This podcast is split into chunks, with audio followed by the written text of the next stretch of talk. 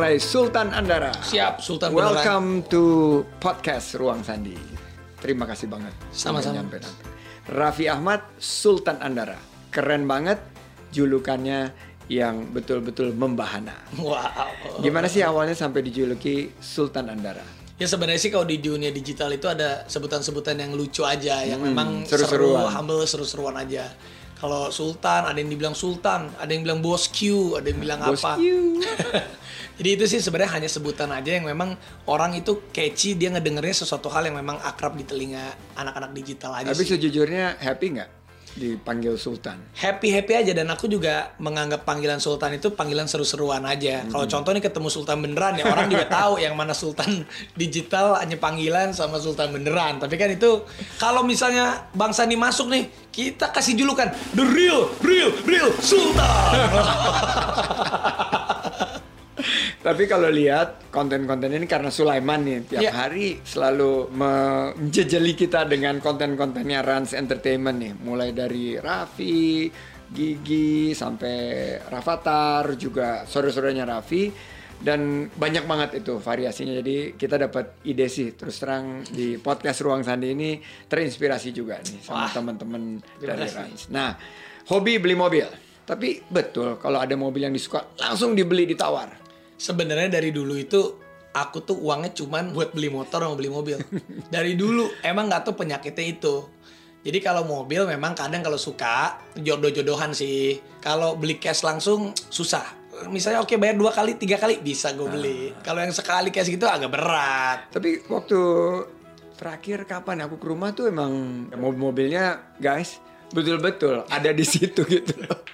Dan di antara semua koleksi mobil mewahnya Raffi ini mobil apa yang paling berkesan? Kalau yang aku punya itu ya Lambo sama Rolls Royce itu yang paling Oke, berkesan. yang kuning itu ya. Yang kuning itu Camaro. Oh, Camaro. Dulu ada Camaro, muscle car cuman udah dijual. Sudah ditukar ya. Udah ditukar. Jadi mobil itu rata-rata kalau aku tuh bang 5-6 tahun biasa gue ganti. Kalau mobil warna apa yang paling hits banget? Hitam atau putih udah cuman dua itu aja sih. Nah, kenapa Lambo? Kalau Lambo Ferrari di Jakarta tuh di Indonesia tuh ngetop banget. Hmm. Ya namanya juga kalau aku kan orang kaya baru kalau Bang Sandi kan orang kaya lama. Jadi pengen aja punya. pengen aja gue punya satu mobil yang memang cita-cita karena kan kalau ngeliat pemain bola itu rata-rata di luar negeri tuh pakai mobilnya Lambo. Iya. Lambo apalagi yang orang-orang Itali tuh. Iya. Karena gue tuh suka banget aja jadi pengen beli gitu. Jadi kalau kita ngelihat tadi sempat ngobrol juga sama Nur karena mertua ayahnya Nur, ayahnya Mbak Nur itu juga koleksi mobil gitu. Saya bilang nih Sultan Andara nih mirip-mirip Pak Ajis nih suka beli mobil-mobil. Nah, harga-harga mobil koleksi Raffi ini kan fantastis. Aduh, Gila malu gua banget kalau- gitu loh. Malu gue kalau ditanya sama Sultan beneran. Enggak, enggak, enggak. Tapi ini banyak yang pengen tahu di podcast Ruang Sandi karena permintaan bahwa next guestnya itu harus Raffi ini udah banyak banget. Nah, ada salah satu yang ingin tanya, pernah nggak nyesel beli mobil sampai ngeluarin uang segitu banyak? Kalau mobil sih aku nggak pernah nyesel. Iya. Yang pernah nyesel itu aku tuh beli Yah gitu mini Yah, Yah Oh. Azimut 40S. Oh, aku pernah lihat jadi konten juga Iya, tuh. itu aku agak nyesel beli itu. Azimut sih oke banget. Tapi emang agak nyeselnya kalau mobil kita kan bisa pakai tiap hari. Kalau waktu itu beli Azimut itu udah gue pakai cuman setahun paling nggak nyampe 10 kali. Dijual turunnya jauh banget. Jadi sakit hatinya kerasa banget tuh. Tahu nggak ada saying gitu Iya. di teman-teman untuk kolektor kapal pesiar, yacht dan pesawat pribadi. Kebetulan juga dulu saya ada pernah di lingkungan sana gitu loh. Wis, Bahwa ini sultan. uh, di there are only two days that you are happy when you own a private jet or yacht gitu. Hanya dua hari kita kita senang, yaitu hari pertama kita beli sama hari pertama setelah kita jual. Iya bener. Seneng banget gitu bisa jual. Bebannya udah lewat. Bebannya hilang karena selama kita punya itu, waduh biayanya luar Maintenance biasa. luar biasa. Luar biasa. Apalagi private jet. Waduh, pusing pasti Bang Sandi tuh. Total mobil yang dikoleksi sekarang ada berapa? Waduh, kalau mobil itu sebenarnya di rumah tuh hampir 20, tapi kan mobil operasional dan lain-lain karena ada adik aku, ada mama aku, kadang ya udah pakai pakai aja gitu. Tapi ini contoh nih, contoh yang baik. Dulu waktu saya di Pemprov, saya sama Pak Anies kita lihat nih. Ternyata Raffi ini sangat patuh membayar kewajibannya Wah. buat mobil. Jadi walaupun 20 semuanya sesuai dengan uh, peraturan dan penyumbang salah satu yang terbesar Waduh, waduh, untuk waduh. pendapatannya pemprov. Aduh, aduh. Tapi saking sukanya mobil ini pernah kepikiran nggak punya bisnis otomotif? Karena walaupun saya nggak koleksi mobil, saya punya bisnis otomotif. Dulu sempat aku masukin motor Spider, ada yang roda, Oke, roda oke, tiga. betul, betul. Tapi hanya beberapa tahun aja bertahan. Mungkin motor itu menjadi pilihan setelah motor Harley, setelah Ducati. Karena kan kalau di Indonesia karena macetnya luar biasa mungkin. Iya. eh, jadi itu jadi kalau orang udah punya Harley, punya Ducati baru beli motor itu. Tapi itu pengalaman sih buat aku. Iya. Tapi ya meskipun di bisnis yang nggak untung yang besar, tapi di linknya aku jadi kenal banyak. Di bisnis kan kita bisa dapat link, kita bisa dapat untung. Jadi profit itu bukan hanya uang aja, tetapi juga teman-teman dan link-link yang baik juga sih. Benar-benar. Jadi bisnis otomotif itu bisnis network. Ya, Jadi kita lebih banyak kenal orang. Saya dulu pernah pegang Nissan ya, dan di situ juga ketemu Iya. ya para penggemar karena ternyata banyak banget itu em, kelompok masyarakat ya bikin komunitas-komunitas dan di situlah kita itu mengembangkan link, Iya, pertemanan yang buat di bisnis bagus. Sultan Andara juga punya kerajaan digital yang tadi saya Waduh. sudah sebut ya, yaitu Rans Entertainment. Subscribernya sekarang wow 16,3 juta keren banget bro. Ah, Banyak ini atas kita, cuman kita Tapi enggak bro, itu luar biasa kalau aku lihat dan Amin.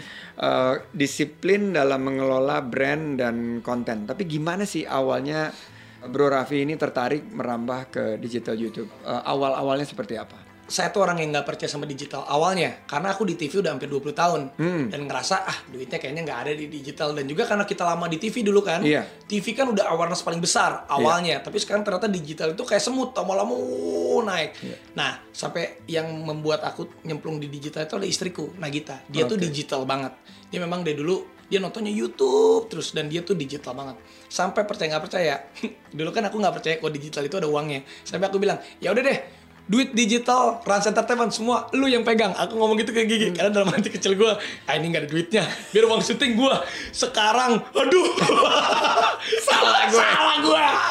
Tapi ya nggak apa-apa. Cuman itu Rezeki- rezeki istri. Gigi yang ngajakin aku ke digital dan aku punya pengalaman yang tadi aku cerita sebelumnya kan aku di TV udah sampai 20 tahun. Mungkin yang kenal aku seumur umur aku aja. Hmm. Tapi saat aku ke digital, mungkin sama kayak Bang Sandi. Saat Bang Sandi di digital kenceng, anak belasan tahun bahkan anak sebesar Sulaiman itu bisa manggil kita, "Eh, papanya Rafathar." Itu dahsyatnya digital dan juga attachmentnya luar biasa, Mas.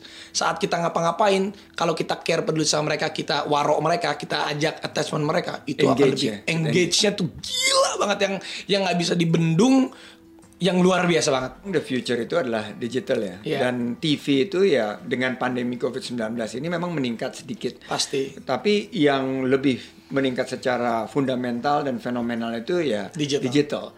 Dan kalau kita lihat ya Sulaiman tadi mau ketemu udah dari pagi sampai sholatnya nggak kusuk ada pikirannya ketemu Raffi sama Gigi. Tapi banyak teman saya yang kepo banget nih sama tim di balik Rans Entertainment. Total karyawannya sekarang udah berapa? Jadi sekarang itu ada Rans Entertainment, kita ada Rans Music, ada Rans Carnival, kita punya event. Rencananya tuh sebelum Covid kita ke hampir 20 titik seluruh Indonesia bikin Oke. permainan. Ada Rans Animasi, total Itu yang AA itu ya? Iya, kita total sih semua hampir 100 lah. Ya alhamdulillah. ya. Dari tiga orang. dari tiga oh sama Sama makanya Sama. pada saya dari tiga orang dari di garasi doang cuma satu editor dan dua staff. Dari tiga orang cuma di garasi. Bro Raffi ini bos yang super baik banget ya. Juga. Menyapa, terus ramah, sama karyawan itu kayaknya nggak ada jarak gitu. menyesuaikan dengan keadaan sekarang sih bang kayak bang Sandi. Aku juga contoh bang Sandi kok. Ya kita sebut ini kau anak-anak sekarang. Konglomerat iya. Orang berada iya. Orang sukses iya. Tokoh masyarakat juga iya. Tokoh politik iya. Bisnismen iya.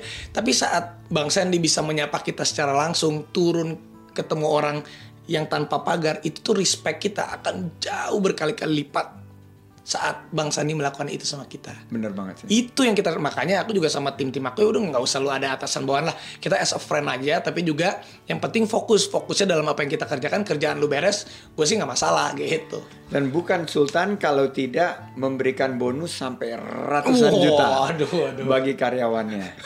Dan kayaknya kita punya prinsip sama nih. Kalau karyawan kita happy, bisnis kita akan maju. benar Dan karena kita nggak ngerasa rugi sama sekali, betul kan? benar karena rezeki itu mah semakin banyak kita support orang didoain orang rezekinya akan tambah banyak semakin kita banyak memberi orang kita juga akan banyak diberi sama Allah gitu Keren keren banget dan kita doain banget nih Wah. Rans Entertainment dengan 100 karyawannya terus memproduksi konten-konten yang luar biasa dan satu saat tadi kita sempat ngomong kita doain Rans bisa go public ya.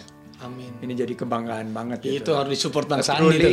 Digital konten pertama yang yang IPO. Harus ada Bang Sandi tuh. Ya mudah-mudahan. Nanti kita japri-japri ya. Japri. Nah, saking pedulinya sama karyawan katanya bos Raffi ini juga kasih tempat menginap di rumah Andara untuk karyawannya. Benar ya? ya enggak sebenarnya kan karena kita tuh mungkin anak-anak digital itu kan kreatif. Maksudnya aku tuh nggak lu datang jam segini enggak, yang penting lu datang aja. Bebas aja lah. Ya ada jamnya, tapi juga yang memang happy yang penting lu nya happy tempat tidur sih ada jadi dia ada beberapa rumah gitu bisa yang penting lu kalau sampai malam lu bisa tidur bisa yang penting mereka bisa ngeblend aja sih bisa kayak jadi keluarga karena kan kadang kalau kerja digital itu kalau kita semua terstruktur kitanya bagaimana nggak bisa karena kreativitas itu agak berbeda dengan orang kerja kantoran gitu maksud aku biar Dan mereka datang kira-kira kira-kira jam 3 pagi gitu lah ya. bisa mereka bisa datang misalnya oke jam 4 sore tapi mereka bisa sampai subuh Iya. Jadi memang ya sekreatif sekre- kreatif tapi tetap terukur dan eh, tetap terorganize sih gitu. Dan kalau mereka tinggal di dekat studio jauh lebih mudah untuk merealisasi dan mengeksekusi Pas covid ide-idenya. kemarin dua minggu mereka stay. Jadi kita bagi-bagi Work from home-nya tuh benar-benar dari nginep, situ ya? mereka nginep, Nginep. nanti gantian. Misalnya udah dua minggu, yang ini pulang, ini dites udah aman, mereka ganti gitu. Oke. Nah, ada juga karyawan dari Bro Raffi ini yang bilang kalau dari Rans Entertainment bisa beli rumah Oh. dan mobil secara cash. Wow. itu tanyain aja langsung nanti mah.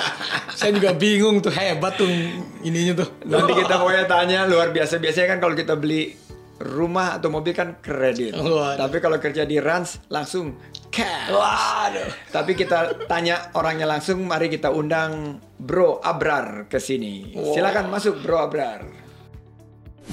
Hello Mas Abrar. Halo. Nah ini Rans Entertainment karyawan 001. Wah. empat sebenarnya empat 004 ya.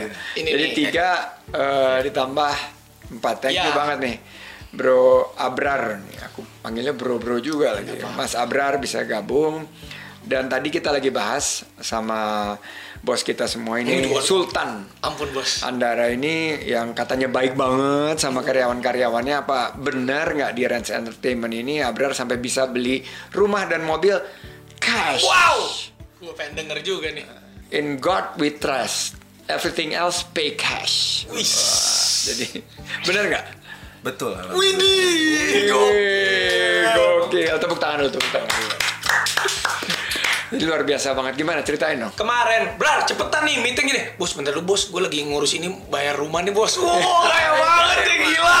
Lagi ngurus Gila, Bos. pajak, lagi ngurus pajak. pajak ya. ampun. Ngurus pajak ya rezeki ya luar biasa ya. Dan itu semua em, ya menginspirasi kita ya bahwa digital tuh ternyata bisa juga melahirkan satu percepatan daripada pertambahan nilai ini.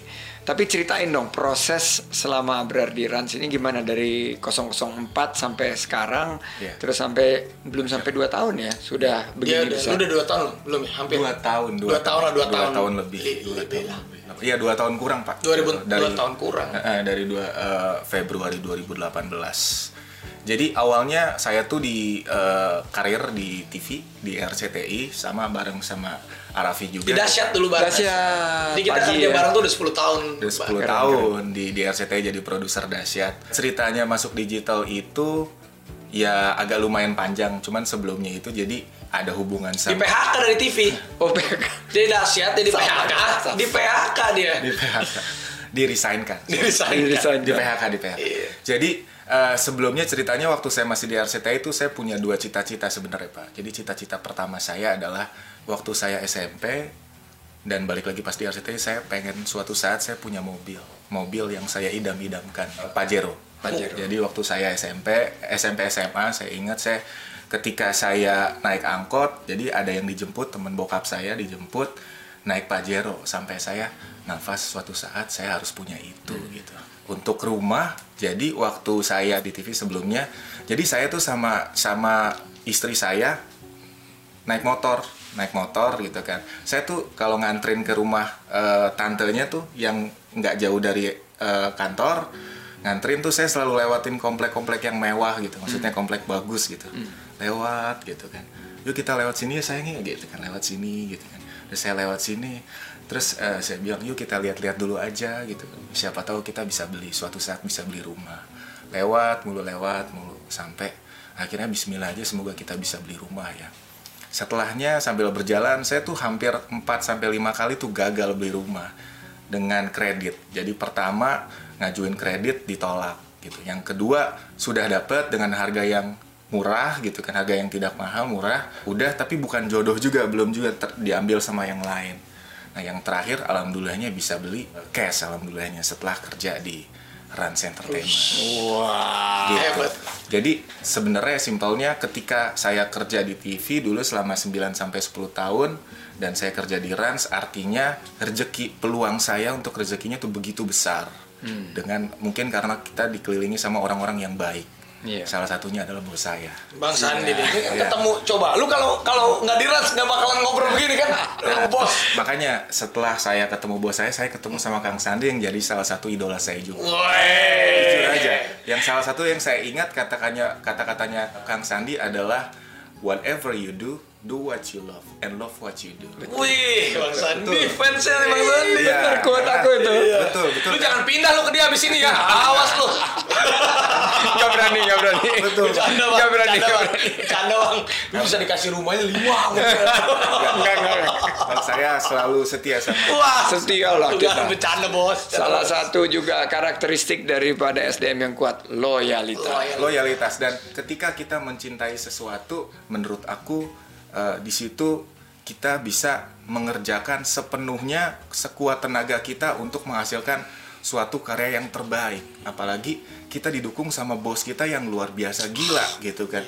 Dia gila kita juga gila gitu. Gua dibilang gila, kita kurang ajar. gila. maksudnya dalam berpikir pak dalam berpikir ke A B C D F G gitu kalau kita kan orang di balik layar yang biasanya mengatur konten A B C D F G. Sementara dia adalah aktornya. Nah yang hebatnya dari bos saya ini adalah dia itu tidak hanya di depan layar tetapi di belakang layar itu yang luar biasa. Jadi saya ih gila ya gue aja tuh ya sebagai orang belakang layar tuh kagum gitu sama dia gitu.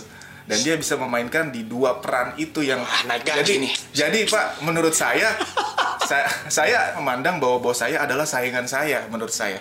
Saingan saya di mana saya berpikir saya itu ketika ada bos di depan saya adalah kesempatan yang sangat luar biasa di mana saya tuh bisa mengambil ilmu dari dia sampai mungkin suatu saat saya bisa menyamai dia secara pemikiran ataupun mungkin sampai Posisi. bukan Oh, posisi Ya apa-apa. mungkin sampai sukses Bermimpi bagus. setinggi mungkin. Apa? sampai penghasilan saya tuh Bagus. harus seperti Harus. dia bos Keren, saya. keren. Saya pengen penghasilan kayak Bang Sandi. Tapi aku cerita dahsyat nih, rupanya kan Siap. kita nih dahsyat nih. Jadi ini pengalaman dan pertama kali di podcast Ruang Sandi saya mau buka rahasia ini.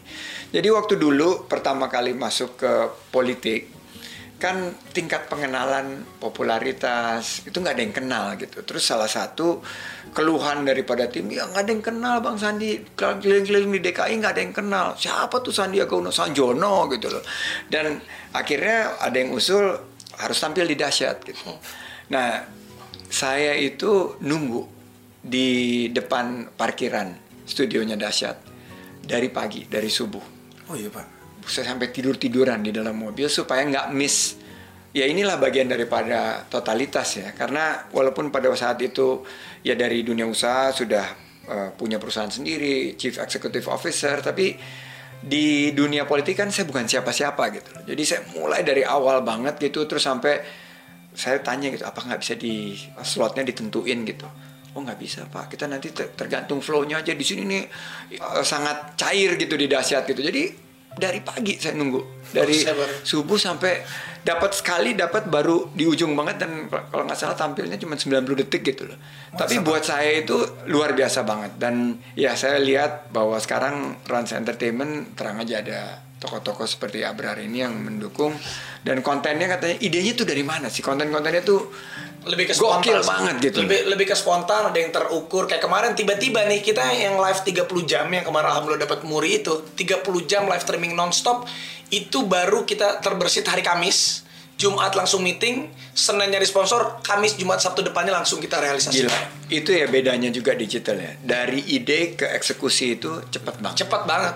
Cepat nggak perlu birokrasi Nggak. mesti jualan dulu Nggak. langsung bisa tereksekusi. Dapat sponsornya gampang nggak tuh? Gampang. Gampang itu karena kita punya misi. Di 30 jam itu kita punya misi jadi gini loh. Maksudnya ya kemarin banyak yang di PHK ada yang dirumahkan. Dalam kondisi kita memasuki fase new normal mau tidak mau kita harus beradaptasi. Ayo dong oke deh lu di PHK oke deh lu ken- lagi kenapa-napa tapi lu harus bangkit. Ini aja gue yang di rumah aja kita bisa kasih hiburan 30 jam dan juga hadiah. Jadi ke sponsor aku bilang ayo gue mau bikin satu gerakan. Sponsornya bukan buat gua yang penting produksi gua tercover uangnya kita kasih ke mereka biar pada semangat biar Oh, bergairah. Oke, keren banget. Nah, sebagai bos ini, galak nggak sih Raffi ini? Enggak sih pak, enggak enggak enggak enggak enggak enggak strict sih. Cuman eh, dia itu selalu jadi polisinya kita. Jadi polisinya kita tuh kalau misalnya turun nih, udah kalau turun ya mau bukan kena omel tapi lebih ke kenapa bisa turun? Ayo kita membuat sesuatu yang lebih baru lagi, lebih gila lagi, lebih ini lagi. Jadi kita tuh selalu diingatkan untuk kita tidak ada di batas nyamannya kita gitu. Jadi ayo kita buat apa lagi nih? Kita buat apa lagi dan perkara galak sih enggak sih ya maksudnya biasa-biasa aja. Bahkan justru malah menurut aku sih terlalu baik justru gitu. Bener pak. Kalau terlalu baik tuh bahkan saking baiknya eh, sampai kadang-kadang kita tuh lu jangan terlalu baik bos gitu. Lu jangan nanti lu digituin sama orang gitu kan. Misalnya nggak cuman sama orang bahkan ke klien aja terlalu baik gitu. Pak nanti kalau kita terlalu baik kita itu harga kita nggak bagus. Udah lu harus mikirin long termnya. Jangan Bro, mikirin ini pengen belajar ya. Gitu. Ada seorang bijak banget bilang kepada saya pada satu saat, nggak ada orang yang terlalu baik. Terlalu baik itu adalah bagian daripada investasi kita ke masa depan. Jadi Bro Raffi ini baik dan terlalu baik itu nggak akan ketuker rezekinya malah bisa bertambah gitu loh. Dan menurut aku ini sesuatu yang ditanamkan oleh orang bijak ini ke saya dan saya akhirnya waktu itu bilang ya sudahlah kita kalau mau melakukan sesuatu itu ya totalitas. Dan hari ini kita belajar totalitas daripada Rans Entertainment dapat dua rekor muri yang baru saja diraih. Congratulations. Thank Keren you, banget. Mas Andi, thank you. Dan coba dong tunjukin Wah, nah. rekor murinya biar kita pamerkan di podcast Ruang Sandi supaya yang lain juga terinspirasi. Ya, wow. Oh, ini yang pertama siaran langsung acara keluarga melalui YouTube dan Facebook terlama. Jadi kita total 31 jam 31 jam. non-stop. Kita live live 30 Dan berarti itu bro nggak tidur ya? Enggak, jadi waktu uh, Benar tidur nggak? Kalau saya ada dua dua ya? dua jaman. Kalau Aku tidur enggak lah satu ada satu segmen masak aku istirahat cuma satu segmen masak dan saat sholat jumat Salat Jumat. ada makan siang itu aja sisanya dulu itu dahsyat yang pernah mera- meraih ini Oke. dahsyat waktu itu pernah eh, program live terpanjang berapa jam ya waktu itu ya 15. 15 jam dahsyat Ini dua kali lipat. ini kita terinspirasi dari dahsyat aku harus bikin yang lebih dahsyat lagi 30 jam dan bedanya kalau eh, kalau kita itu memang tidak ada di jeda iklan sama sekali. Gak ada iklan. Ya, nggak ada. Kita nggak ada iklan. Jadi kita kayak gini nih satu segmen sejam, habis itu pindah lagi. Dan satunya lagi ini kita adalah penonton terbanyak. Jadi tiga Oh ini penonton terbanyak. Jadi kita- Siaran langsung acara keluarga dengan penonton terbanyak. digital. Di untuk di digital penonton terbanyak kita kaget juga sih selama 30 jam itu 4,1 juta. Itu kan 4,1 juta. dan itu baru di YouTube ya. Di Facebooknya juga jadi kira- kira-kira mungkin 10 juta lebih yang nonton. Itu lebih gede dari Singapura dua kali lipat. Ya karena Indonesia memang banyak sih. Jadi Tapi ini- yang nonton mungkin juga di luar negeri juga ada yang ngikutin ya. banyak ada yang di Swiss, banyak orang yang dan mereka bisa langsung nge langsung sambil bagi-bagi hadiah gitu. Oh keren. Thank you banget nih. Eh, Keren-keren buat Abra. Thank you banget. Udah ngobrol berbagi kisah inspiratifnya sama kita terus masuk di podcast Ruang Sandi kita bisa dapat nih tangkap bagaimana etos kerja dari teman-teman di Rans Entertainment dan sukses selalu. Abrar dan saya juga ingin menyapa nih setelah Abrar nih partner kerja Raffi yang udah ke sini Uh, dan kita undang partner kerja yang menjadi partner hidup dan yang punya ide digital ini yaitu Yang duitnya di dia semua, bukan di aku.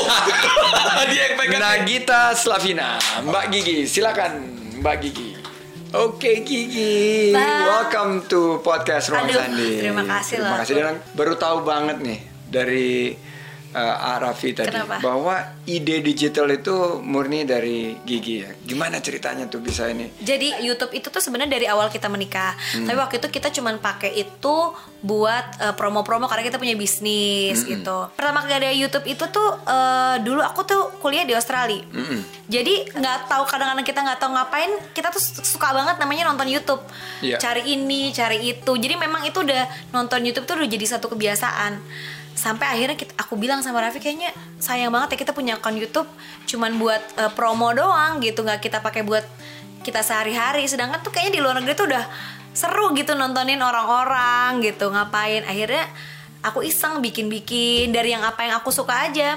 Raffi juga waktu itu pas diajakin bikin yuk ini. Ah enggak ah, aku mau sibuk di TV aja katanya gitu. Tapi yang seru banget tadi katanya sampai ditawarin oleh Raffi bahwa ya udah uangnya buat kamu semua. iya Bener nggak tuh? bener karena dia bilang dia pikir nggak nggak seberapa gitu jadi dia Dianggap enteng ah, awalnya. udahlah kamu atur-atur sendiri aja jadi bener-bener awal-awalnya tuh aku yang bikin konten nanti kadang-kadang dia ikut ngajakin aku yang jualan ke agensi ke brand-brand jualan jualan konten gitu Hmm. dianya nggak aku aku ini ah, aku syuting aja gitu nggak mau sampai akhirnya sekarang kebalik Oh kebalik sekarang. kebalik duitnya ada cuman susah keluar nih kalau masuk rekening istri Kalau masuk uang kamu, uang saya, Iya. uang saya, uang saya sendiri betul gitu ya. betul itu Kamu kayak Mbak Nur pinter. Ah, sama Kalau kita istri biasa kalau kalau Raffi itu kan dia lebih kadang-kadang nggak mikir gitu.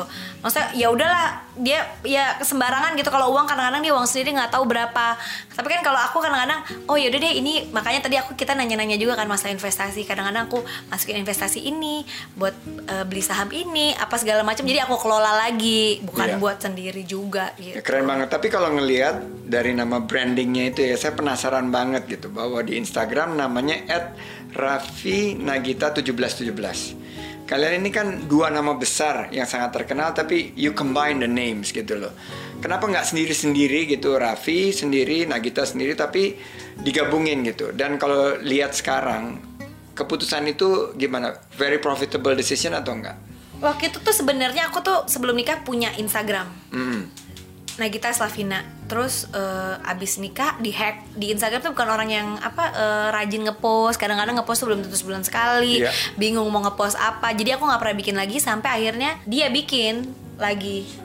ya aku akhirnya bikin tapi waktu itu kan ah udah deh aku juga sama dia kan tadinya nggak nyangka juga kalau Instagram bisa sebesar ini Iya. waktu itu growth-nya cepet banget ya sampai sekarang tuh kita wah, alhamdulillah ya, kita nomor satu di Indonesia nomor Iya, satu di Asia betul. Tenggara nggak nggak nggak nyangka Gak nyangka bener. dan kita juga nggak nyangka gitu. kalau temen gue nih suka bercandain wah lu sama Gigi jangan pisah lu harta gono gininya follower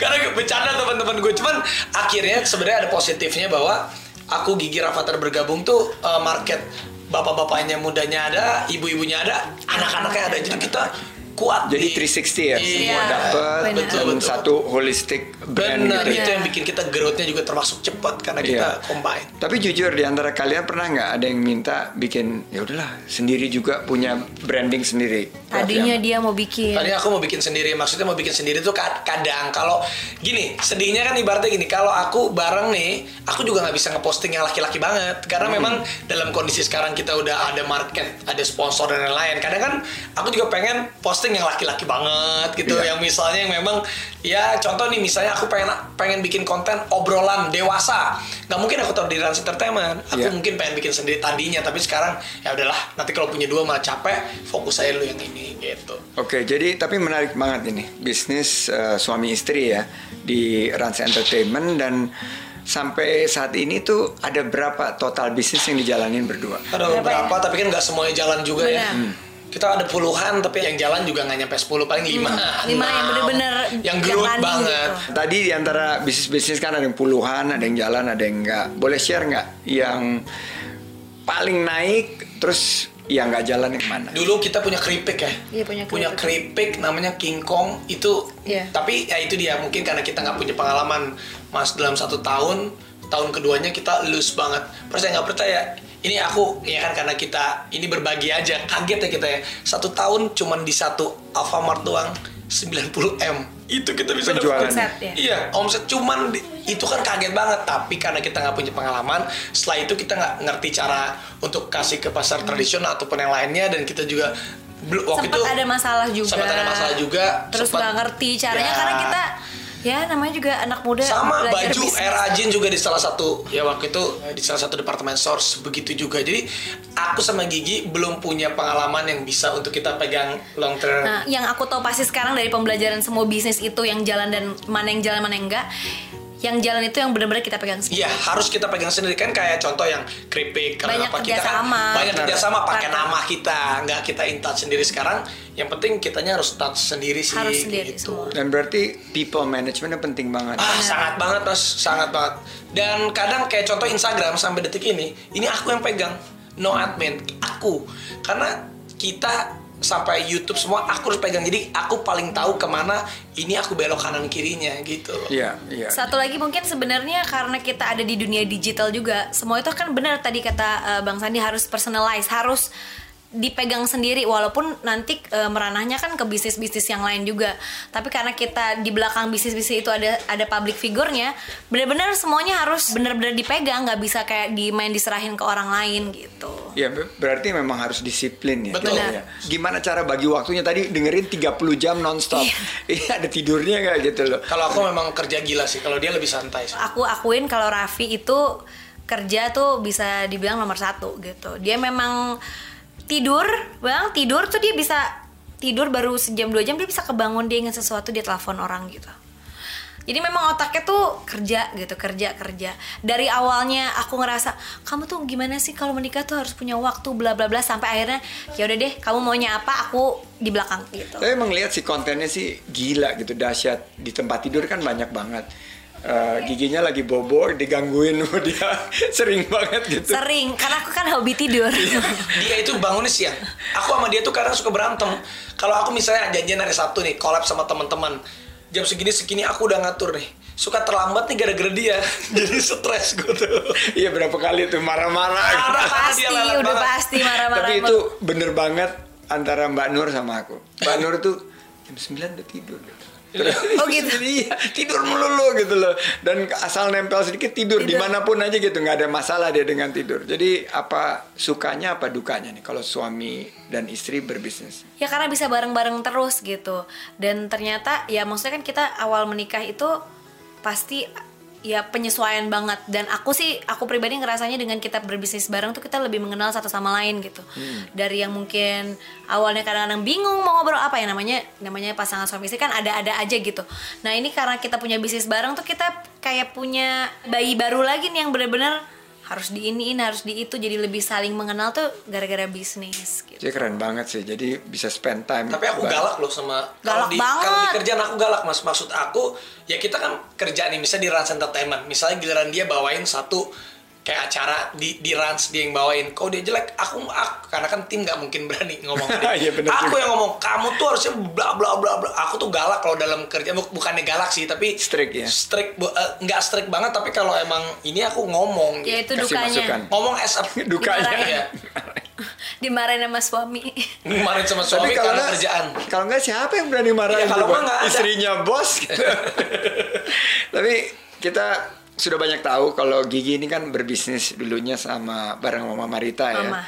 Dan akhirnya ketika mendirikan kerajaan bisnis Raffi Gigi ini Rans Entertainment, siapa yang mengajarkan siapa? Tadi digital eh, saya udah dapat bahwa ini visinya Gigi dan kalau misalnya kerjaan perfeksionis dan segala macam ini Raffi. Tapi kalau dilihat nih gimana journey-nya sama-sama ini siapa yang beri masukan lebih banyak? Siapa yang belajar dari siapa? Banyak sih Raffi tuh orangnya lebih lebih panjang dia dia punya mimpi-mimpi yang kadang-kadang kita tuh nggak kepikiran gitu aku mungkin lebih ke manajemennya manajemen keuangan terus manajemen Jadi keuangan eh, Gigi ya? Gigi. Iya. Tapi kalau untuk Bener sih.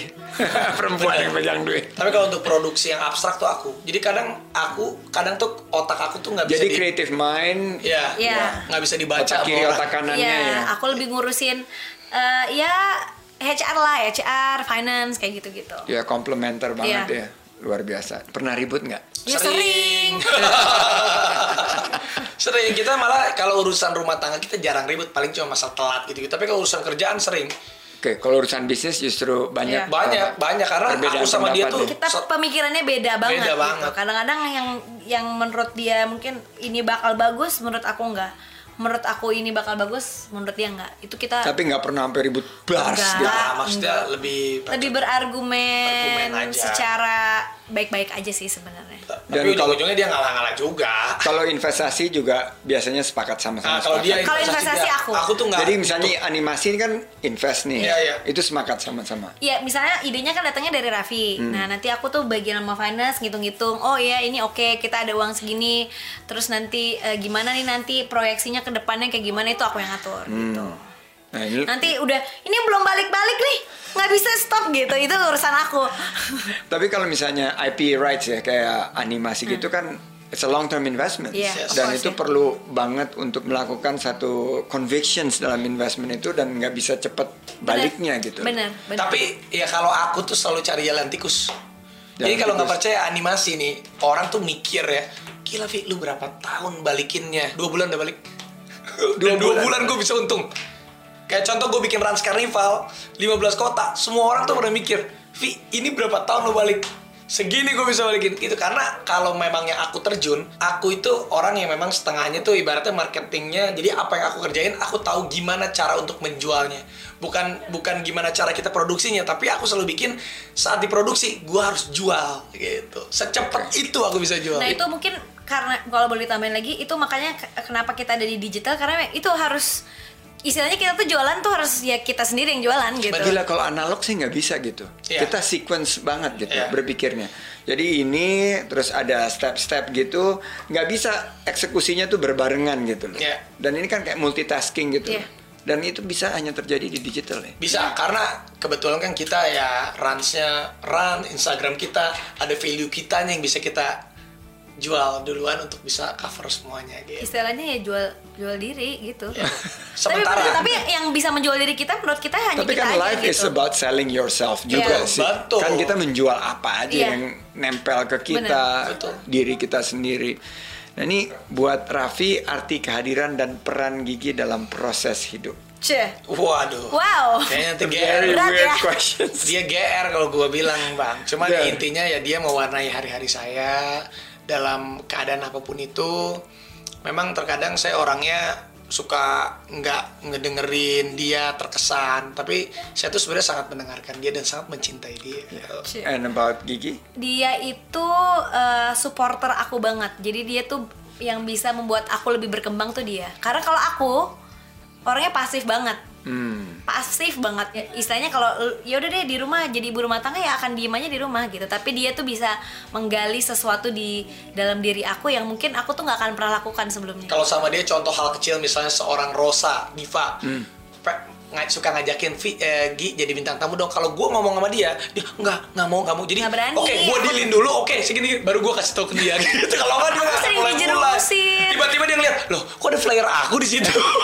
loh kok aku udah ini sih? Ya udah harus digituin dia tuh. Kalau nggak dia nggak maju-maju. gitu Jadi take risk juga bagiannya Raffi ya? iya Iya. dia dia tuh manajer aku istilahnya kalau misalnya kayak kerjaan-kerjaan di TV itu sebelum eh, ke aku tuh pasti ngomongnya ke Raffi dulu Gigi bisa nggak gini iya bisa ngos ya dia ngedil-dilin gitu kamu nanti kerja Tanpa gini ngecek. gini gini. Nah, nggak nggak nggak pakai ngecek udah nggak pakai ngecek Sama. udah nggak pakai ngecek nggak pakai tahu bisa apa enggak Eh, pokoknya dia ngedilin harga ngedilin aku ngapain kamu eh, nanti ada kerjaan baru gini gini gini itu semuanya urusan karena dia uang itu bisa dicari, tapi kesempatan sama yang namanya pengalaman itu kan susah banget. Kalau kita lewatin itu kan sayang, bukan masalah uangnya, tapi Ya kesempatannya. value dari pengalaman itu sama Experim, experience-nya luar kan biasa. peluang hanya datang sekali, Iya. Betul. nggak datang berulang kali. Betul. Nah, gimana peran Mama Ami dan Mama Rita dalam menjalani lika-liku kehidupan Raffi dan Gigi? waduh Wah, kalau orang tua sih mama mama Rita tuh mama yang asik lah. Maksudnya kadang kita juga Soalnya saling support banget Iya. sih. Iya, Kita lihat di konten gitu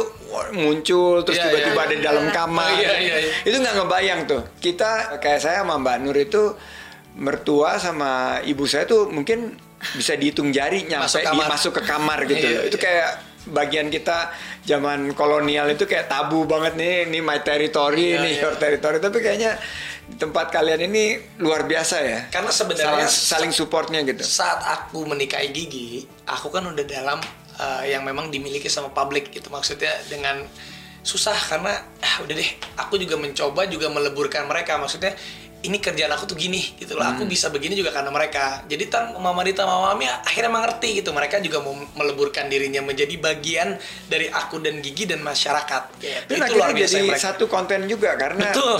tiba-tiba kan ada satu blue ocean lagi gitu. Eh, segmennya eh, Mama Rita Iya, gitu. dan Mama iya, Ami iya, gitu iya, iya, iya, Mama iya. gitu gila. Benar, gitu. benar. luar biasa gitu loh. Benar. Tiba-tiba muncul terus beliin mainan buat Iya. Rafathar gitu terus ya, trigger lagi gitu satu segmentasi baru gitu. memang terjadinya tuh bukan bukan dibikin-bikin jadi bisa kayak Natural gitu. aja ya? Natural. Semuanya tuh kita ya udah jalan gitu karena mungkin saling support satu sama lain gitu.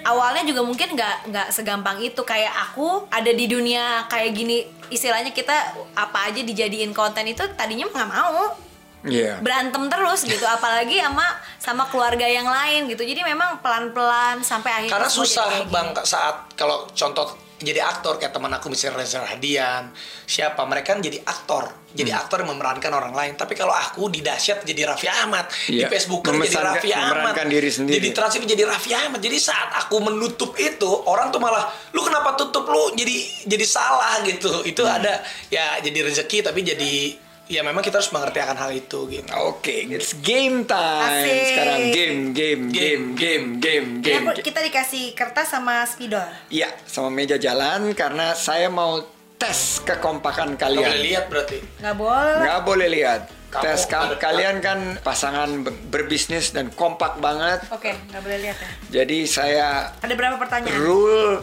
pertanyaannya saya akan hitung 5 detik. Kalian harus berhenti menulis. Jadi Siap. satu, dua, tiga. Ada lima pertanyaan. oke Kalau kalian menyebutkan memang tiap hari sama-sama bisnis, sama-sama berkeluarga, pasti harus matching jawabannya.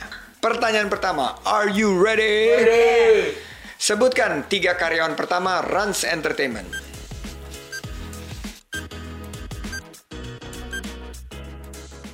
Pertanyaan kedua, are you ready? ready Sebutkan tiga makanan yang selalu ada di meja makan. Lima, empat, tiga, aduh Jelek banget satu. tulisannya. Stop writing. dah oke Pertanyaan ketiga. Sebutkan tiga mainan kesukaan Rafathar. Nggak usah kalian, aku juga tahu. masa Tahu lah. Gua nggak tahu. Empat, tiga. Dah. Begitu nyampe Singapura nyarinya itu dua, Aduh, gua tahu gua bukan bapaknya kali Next question. Sebutkan tiga hal yang dilakukan sebelum tidur. ini buat siapa Dilakukan pasangan lah, dilakukan Raffi. Eh, Raffi nulis apa yang di, tiga hal yang dilakukan oleh Gigi sebelum tidur. Tiga, dua, satu. Ah. Stop. Terakhir. Ah, terakhir ini gampang karena saya juga tahu. Sebutkan tiga tempat yang paling disukai Rafathar. Empat, tiga, dua, satu, stop. Nah, ah oke Oke, Pesan. sekarang kita Buka. cross check dari pertanyaan Aku- pertama. satu kertas, nggak apa-apa ya? Nggak apa-apa, nggak apa-apa, keren banget. Kita tanya dari pertanyaan pertama. Oke, pertanyaan pertama. Oke Siapa tiga karyawan Rans Entertainment yang pertama? Coba kamu siapa? Midun Arul Lemon Midun, Arul, dan Lemon. sama Lemon, Larul dan Midun sama Oke, Lemon, Arul, dan Midun. Oke, Abrar nomor 4 berarti. Apa nomor empat Enggak, dia masih Masih di tengah. terus Masih masih, belum. Yes, Yes! 100. Pertanyaan kedua, kalian hebat banget ya. Gua udah Sebutkan tiga makanan yang paling disukai. Yang selalu apa? ada, di ya bukan yang selalu, selalu di- ada. yang selalu ada di atas meja ya pasti paling nih disukai. ayam nasi daging Ayam nasi daging. kerupuk roti pisang Ya. nyambung. Gak pernah aku mau pas pisang yang penting nasi Kerupuk Nasi roti kamu. Nah, pisang. dia daging. jarang makan di rumah. Kali pagi tuh udah berangkat gitu. Jadi emang jarang. jadi kamu ngasih makan siapa nih Iya. Nggak maksudnya di standby aja di rumah gitu. Kalau misalnya di meja makan. Oke. Enok, nggak cocok. Oke, pertanyaan berikutnya. Sebutkan tiga mainan kesukaan Rafathar. Robot mobil Lego. Pedang, topeng. sangkopop. Ah, nggak sama lagi. Ini ibu bapak macam apa sih? Emang iya. Oh, dia suka robot, dia suka mobil, dia suka Lego. Dia tuh mainan yang paling sukanya dia tuh main tembak-tembakan lihat kalau nggak pedang-pedangan itu tuh selalu sama topeng-topengan. Ah. Sama si Funko Pop itu mainan yang mini figure itu yang kecil-kecil itu. Ah, Oke, tetot. Nah, cocok. ya. Dua salah, satu benar. Berikutnya, sebutkan tiga hal yang dilakukan sebelum tidur dari pasangan masing-masing. Main handphone, nonton TV, cuci kaki. HP, TV, cuci kaki. Bener aku juga nih. Nonton, Nonton YouTube, YouTube, WA, ya WhatsAppan, Handphone. handphone sama ke toilet. Oke, benar. Sama nih, cocok. Sama. TV tuh nonton YouTube di kita nonton Iya. YouTube di TV. Oke, berarti dua benar, dua salah. Berikutnya, sebutkan tiga tempat yang disukai Rafata. Toko mainan rumah kita sendiri sama rumah neneknya Tita, rumahnya Mama Rita. Nih. Mama Ini Rita. bener aku ada satu toko mainan tapi Disneyland sama mall. Disneyland, oh iya dia Mama, suka kamu. benar Rafi. Enggak, dia rumah kita. Rumah Andara. Dia suka di rumah sih. Dia- Tapi ada kesamaannya rumah, jadi benar. Setengah. dua setengah salah, dua setengah dua benar. setengah salah, dua setengah benar. Berarti kita seri. Seri. Eh. Ah, Alhamdulillah. Ma- Bang lumayan lah bang, kayaknya kita biasanya selalu nggak nggak Enggak, pernah tapi sama. ini cukup kompak loh. Karena Oh, iya. ini random pertanyaannya dan ya berarti em, terbukti bahwa suami istri kompak di bisnis dan di keluarga Lumayan, juga. lumayan kompak. Dan Yeay. Yang paling kompak banget sih adalah kerja kerasnya ya. Karena kerja keras itu terlihatlah hasilnya dalam dua tahun lebih sedikit Rans Entertainment udah jadi satu digital powerhouse ya. Amin. Amin. Nah, kalian kan pekerja keras. Apakah pensiun muda itu juga adalah impian dari Raffi dan Gigi? Pengen santai itu bukan pensiun sih bahasa pengen santai itu mungkin ya di antara umur 35 40 maksudnya santai itu udah kita bisa IPO bisa jual. Jadinya bukan yang ngoyo yang kita kalau sekarang kan Dari pagi sampai wah, pagi gua masih gitu. kerja tuh maksudnya eh, kita yang cari uang. Nanti tuh pengennya udah 40 tuh uang yang cari kita gitu loh. Oke, saya baru baca buku tentang 100 100 years life. Bahwa sekarang dengan satu pendekatan medical technology yang baru, manusia itu secara rata-rata umurnya 100 tahun. Jadi sebetulnya konsep pensiun itu adalah udah nggak nggak ada lagi sebetulnya kita akan akan terus bekerja. Bekerja. gitu. Iya. Dan ya saya belajar banget nih hari ini dari dua sosok yang luar Waduh. biasa dan benar-benar mau diseriusin nih IPO dari Rans Entertainment. Amin doain. Mudah-mudahan bisa jalan dan terima kasih banget Raffi dan Gigi udah sama-sama Mas. menyempatkan hadir di sini, ketemu Sama-sama. Sulaiman, ketemu Mbak Nur, kita happy banget hari ini. Salam buat Mama Ami dan Mama Rita dan tentunya Rafata. wah Kesenangannya Sulaiman. Iya tadi tadi nanyain mulu. Iya, dia. nanti boleh nggak kita datang ke rumah? Boleh, sekali. boleh banget. Lu kenceng banget. Gua soalnya. siapin. Soalnya itu kan ada pool itu, itu yang kita suka ngeliatin di ini Iya. kan. Siap nanti berenang bareng. gue siapin karpet merah Siap. Tapi dulu suka banget ngeliat Sulaiman juga tuh ngeliatin kontennya Raffi yang berenang-berenang, lari-lari itu. Oh iya iya iya iya iya. Itu iya, sering iya. banget. Iya. Si Avatar juga lagi belajar berenang. Katanya tadi ngobrol sama Ponor, eh, Sulaiman tuh suka berenang juga. Oh suka banget ya. Dia makanya dia paling suka konten yang di deket eh, kolam renang. Nyebur-nyeburin orang pasti. Nyebur-nyeburin orang betul. Oke, pendengar podcast Ruang Sandi kita sudah di penghujung acara kita. Ternyata di sini kita belajar bahwa kita manusia bisa punya semangat dan kerja keras yang unlimited. yes Kita bisa mengerjakan beberapa pekerjaan atau kegiatan secara multitasking, secara sekaligus. Dan kita bisa membagi waktu antara keluarga dan kesibukan.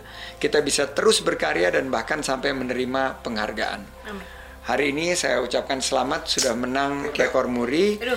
Jadi kita selalu ingat tujuannya apa.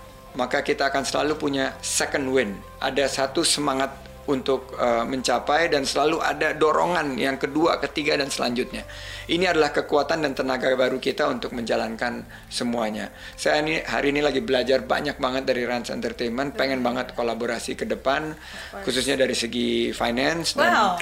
karena ini uh, Instagramers paling hits di Asia Tenggara, mestinya kita bisa cetak satu perusahaan digital content, Wah. digital powerhouse yang membanggakan Indonesia. Terima kasih Raffi Thank dan you. Gigi. Thank you banget. Teman-teman, pemirsa podcast Ruang Sandi, sampai jumpa di podcast Ruang Sandi berikutnya dan kita selalu menutup acara ini dengan foto-foto. asik Foto.